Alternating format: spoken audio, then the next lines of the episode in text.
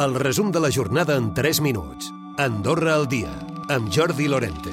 Andorra i la regió de Tolosa segueixen eh, reforçant els seus lligams. Aquest dijous han fet el setè diàleg transfronterer. S'ha parlat força de comunicacions terrestre, del corredor H2, de la galeria Parallaus. De fet, es començarà a construir la primavera de l'any vinent i entrarà en funcionament l'octubre del 2025, cofinançat pels dos territoris. Xavier Espot, cap de govern.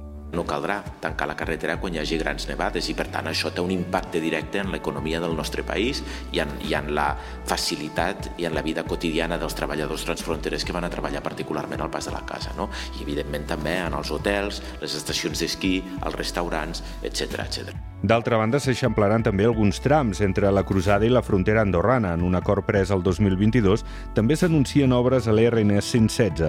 En parla el prefecte d'Occitània, Pierre-André Duran. De premiers équipements par bloc vont ainsi être réalisés avant l'hiver sur la RN 116 au-dessus du village de Villefranche de Conflans. Travaux qui se poursuivront un peu plus tard sur d'autres sites à compter de 2024, dispositifs par bloc, dispositifs par congère, travaux de stabilisation des talus routiers à différents points de cet itinéraire depuis Prades jusqu'au pas de la case. L'estat francès, d'altra banda, està determinat a lluitar contra la delinqüència i anuncia un reforç policial que dins d'un període d'un any ha de portar noves patrulles per combatre el contraband. I l'exministre de Justícia Interior, Josep Maria Rossell, serà el proper president del Consell Superior de la Justícia. Pren així el relleu d'Enric Casadevall després que l'actual síndic general l'hagi nomenat per al càrrec. D'aquesta manera, el nou Consell Superior de la Justícia pren forma després que Batlles i magistrats hagin escollit també el seu representant.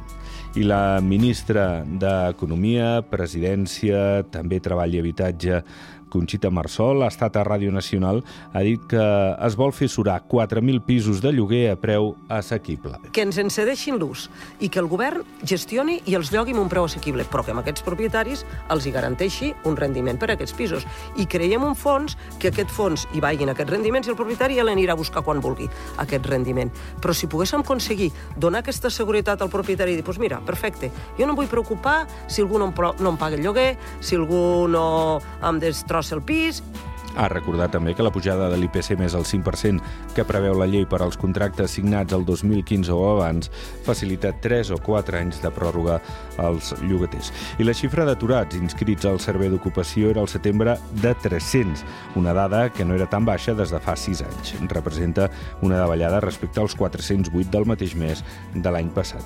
I en Camp construirà un nou aparcament en 142 places al centre de la vila. El motiu és la previsió de la remodelació en habitatges dels aparcaments comunals de Sant Miquel i Terres Primeres. El nou equipament ha d'estar enllestit a la primavera de l'any que ve i el pressupost estimat és de 555.000 euros. Recupera el resum de la jornada cada dia a AndorraDifusió.d i a les plataformes de podcast.